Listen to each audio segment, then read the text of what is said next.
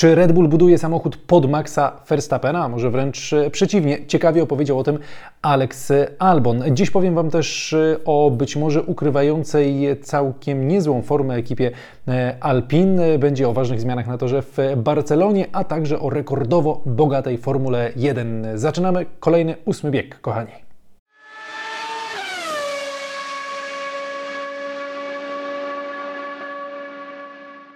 Szybciusieńko minęła, słuchajcie, kochani, ta zimowa przerwa i już za moment zaczynamy nowy sezon Formuły 1. W piątek pierwsze treningi. Ja ten odcinek nagrywam w środę wieczorem. Czekałem bardzo długo na to, czy Aston w końcu ogłosi oficjalnie, kto pojedzie w ich samochodzie obok Fernanda Alonso w ten weekend, ale się nie doczekałem. E, wy już może wiecie, kto pojedzie. Jeśli to jest Felipe Drugowicz, e, no to naprawdę przed nim jest gigantyczna szansa na to, żeby być może zapewnić sobie fajną przyszłość w Formule 1 e, i to nie chodzi o to, że on musi pojechać tak jak Fernando Alonso w tym samochodzie, tylko zakładając, że samochód będzie w stanie walczyć o czołówkę, o pierwsze, nie wiem, sześć pozycji, to byłoby super, gdyby Felipe był w pierwszej dziesiątce. Jeśli z kolei auto będzie gdzieś tam bardziej w środku stawki, pod koniec pierwszej dyszki na przykład, no to ważne, żeby Felipe był 13 w porównaniu do Fernando, który powiedzmy będzie 9, a nie tam gdzieś w końcówce 18. Ważne, żeby tego samochodu nie rozbijał, żeby nakręcał cenne dla siebie też kilometry, bo taki wyścig pojedynczy może zmienić karierę, może bardzo pozytywnie na taką karierę e, wpłynąć, co pokazał zeszłoroczny startnika De Vriesa. Jeśli natomiast w tym samochodzie pojedzie Lance e, Stroll, no to on po prostu będzie miał trudne zadanie i będzie miał taryfę ulgową w związku z tym, że tego samochodu nie testował i w związku z tym, że no, ostatni czas poświęcił po prostu na powrót e, do zdrowia. Tego zdrowia oczywiście mu życzymy. To był taki segment z przymrużeniem oka, trochę wyprzedzający to, co może się, się wydarzyć w najbliższych e, godzinach. I mam jeszcze jedną ważną dla Was informację. Słuchajcie, może zabawimy się w takie małe typowanie tego, jak będzie wyglądała, uwaga, pierwsza czwórka kierowców na koniec tego sezonu i pierwsza czwórka konstruktorów na koniec sezonu 2023. Ja na koniec sezonu wrócę do tego odcinka, sprawdzę Wasze komentarze, bo to tam możecie pisać swoje e, swoje typy, swoje e, przewidywania. E, kto najszybciej poda prawidłową końcówkę, prawidłową klasyfikację końcówki tego sezonu, na zakończenie tego sezonu. E, ten otrzyma ode mnie, słuchajcie, bluzę i koszulkę z logo ósmego biegu, bo takie bluzy i koszulki wkrótce będą w produkcji, ale nie będzie to żadna sprzedaż, to po prostu będzie parę sztuk na wybrane okazje, właśnie na takie między innymi e, konkursy. Uwaga, liczą się tylko komentarze nie poddane edycji, więc jak już raz napiszecie, to ten e, komentarz zostaje, ja sobie to później posortuję od najnowszych do najstarszych, no i kto jako pierwszy poda, o ile ktokolwiek trafi, bo może będzie tak zaskakująca ta końcówka sezonu, że nikt tego nie trafi. Ale trzymam za Was kciuki i bardzo mocno w Was y, wierzę. Y, dużą y, wiarę w to, jak silnym jest sportem, ma Formuła 1 i ma ku temu podstawy, bo Liberty Media opublikowało właśnie wyniki finansowe za zeszły rok, no i jest dobrze. Sport nasz ukochany nam, słuchajcie, rośnie cały czas, jeśli chodzi o finanse i nie tylko jeśli chodzi o finanse. Przychody łączne w zeszłym sezonie wyniosły 2,5 miliarda dolarów. To jest skok y, w porównaniu do 2,1 miliarda dolarów y, w sezonie y, poprzednim. Co ciekawe, największą część z tych przychodów zapewniają pieniądze za transmisje telewizyjne, czyli za to, że Formuła 1 sprzedaje prawa telewizjom czy serwisom streamingowym, no i to jest 36% całego przychodu F1, reszta to są różne inne koszta, znaczy koszta, różne inne źródła przychodów, między innymi to, ile płacą organizatorzy poszczególnych e, wyścigów za bycie w e, kalendarzu. E, Liberty Media pochwaliło się też, że Formuła 1 jest najszybciej rosnącym wciąż, bo w zeszłym sezonie też takie miano chyba miała, najszybciej rosnącym sportem takim mm, oni to nazwali, słuchajcie, Major Sport League, czyli taki najszybciej rosnący ważny sport na naszej planecie w kontekście liczby mm, obserwujących na poszczególnych kontach e, społecznościowych. Więc formułka nam się rozwija. Bardzo dobrze jest to widzieć. My się razem z formułką rozwijamy, razem z nią idziemy przez ten świat, więc niech nam formuła bogatą będzie i oby za tym szły same dobre rzeczy.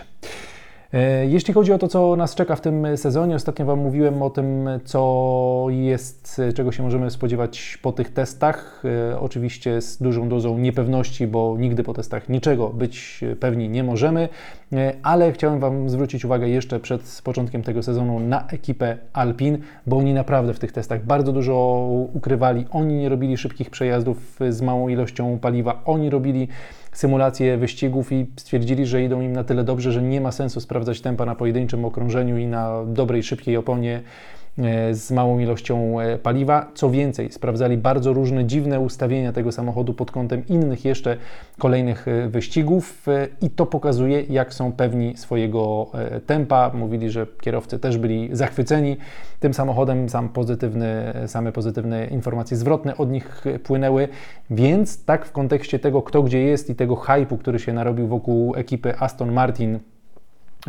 odszczekam, jeśli oni rzeczywiście będą e, walczyli o mm, podia regularnie.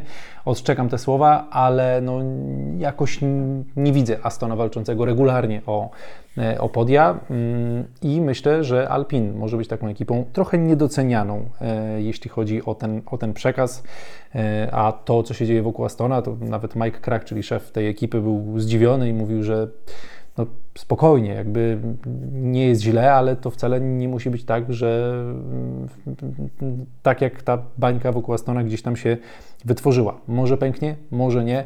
E, super by było, gdyby jakaś ekipa dołączyła do czołówki, ale byłbym ostrożny z takimi przewidywaniami. E, a być może Aston po prostu właśnie z Alpin będzie się bił, przynajmniej na początku sezonu, o te czołowe miejsca w środku stawki. E, ważna rzecz od Alexa Albona. Alex Albon e, napisał taki artykuł na stronie, na której czołowi sportowcy świata publikują takie artykuły podpisane własnym imieniem i nazwiskiem. I Alex Albon, gorąco Was zachęcam w ogóle do tego artykułu. To jest artykuł na stronie The Players Tribune.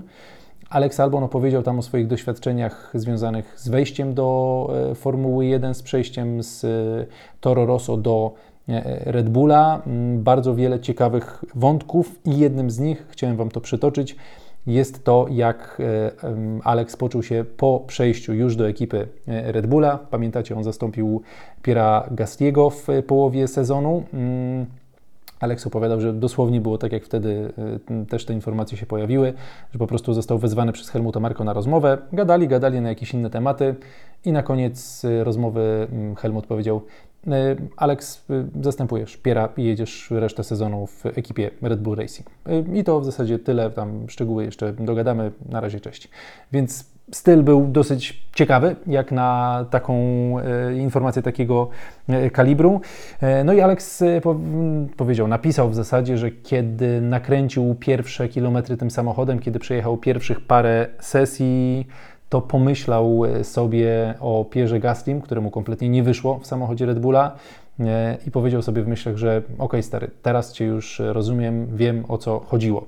No i o co chodziło? A mianowicie o to, że według e, Alexa, który od razu zaznacza, że to nie jest żaden przytyk w stronę Red Bulla czy przytyk w stronę Maxa, tylko po prostu stwierdzenie faktu. E, samochód jest ustawiony w taki specyficzny dla Maxa Verstappena sposób. Ten samochód jest ustawiony e, w kontekście i jakby w kierunku tego głównego kierowcy zespołu i Alex to całkowicie rozumie.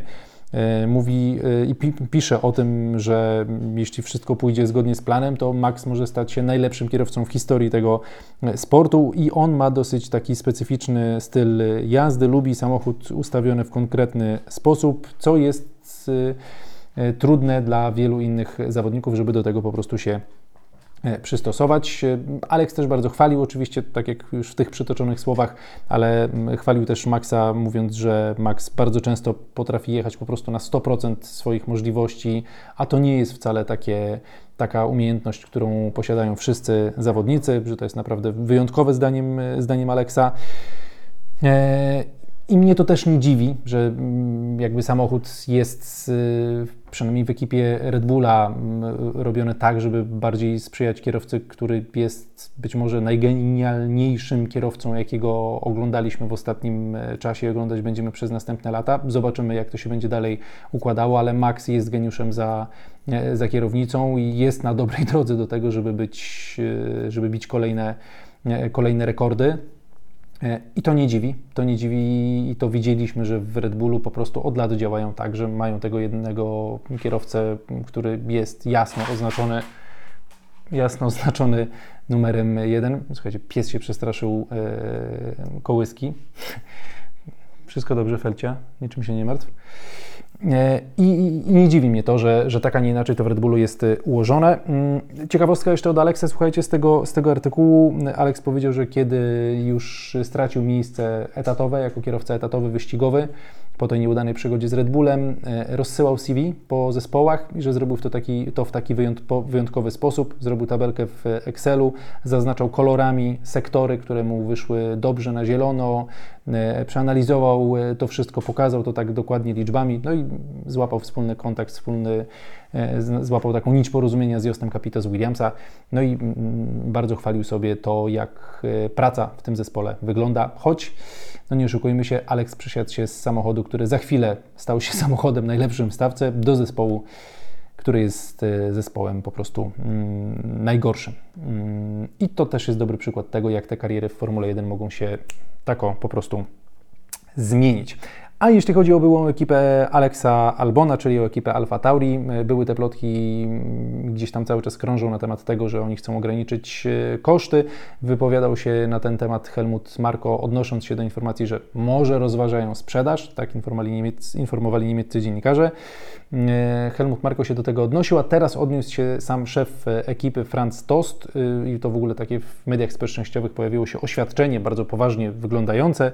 Widać, że mm, podeszli do do tego dosyć, no właśnie, poważnie, no bo to są takie informacje, które dla sponsorów takiej ekipy czasami mogą e, być pewną niespodzianką i wywołać jakieś delikatne poruszenie, że my tu się wiążemy z zespołem, a tu są informacje, że oni chcą się gdzieś przenosić, a może w ogóle chcą ten zespół sprzedać, o co chodzi. No i Franz Tos powiedział, że spokojnie, miałem parę spotkań z Oliwierem e, Minclawem, który jest y, człowiekiem odpowiedzialnym za sport w całej tej rodzinie Red Bulla i on potwierdził mi, że udziałowcy nie sprzedadzą ekipy Alfa Tauri i że Red Bull będzie dalej w przyszłości kontynuował swoje wsparcie dla ekipy właśnie Alfa Tauri. Czy to oznacza, że Alfa Tauri nigdy nie zostanie sprzedane? No nie, bo takich zapowiedzi i wypowiedzi, że coś jest zapisane i ktoś coś komuś powiedział i to jest pewne, to mieliśmy już bardzo wiele. Przypomnę Daniela Ricardo, który w zeszłym roku zarzekał się i pisał oświadczenia, że ja zostaję w McLarenie. Chwilę później z tego McLarena został e, wyrzucony. Julian Palmer swego czasu w Renault, ja zostaję w Renault. Chwilę później e, wyrzucony. Więc spokojnie. Mm, no i zobaczymy, jak w najbliższych miesiącach będzie wyglądało, e, wyglądała sytuacja z Alfa Tauri. Też pytanie, jakie będą osiągali wyniki. E, I na koniec, słuchajcie, informacja mm, ciekawa i dobra, wydaje mi się, dla widowiska e, Formuły 1, bo będziemy mieli zmiany na torze w Barcelonie. Chodzi o ostatni sektor. Tam ta ciasna taka szykana, nieprzyjemna. Jeśli ktoś ścigał się na różnych symulatorach czy w różnych grach, to wie, że tam no, to, to nigdy nie jest przyjemny moment przejeżdżanie przez tamtą e, szykanę. Kierowcom też ona do końca się nie podobała. Ja pamiętam wiele rozmów z Robertem e, Kubicą, który mówił, że no przecież można tam po prostu pojechać tą starą nitką, e, czyli takie dwa po prostu szybkie zakręty mieć w końcówce. No i tak się stanie od tego sezonu. Ta nitka będzie mogła być już e, używana i będzie podczas tego wyścigu użyta. FIA homologowała właśnie tę wersję toru również, więc było tak, jak na tym obrazku, a będzie tak, czyli będą dwa szybkie zakręty prawy do prawego, później wy, wyjazd na prostą start meta, e, a nie to zwalnianie i tam walka w, e, w szykanie. Kapitalna informacja i dobrze też widzieć, że Formuła 1 w takich sytuacjach potrafi sprawić, że pewne rzeczy się zmienią i to nie jest tak, że coś jest zapisane w kamieniu i po prostu jak ten tor tak wyglądał, to absolutnie się to zmienić e, nie może.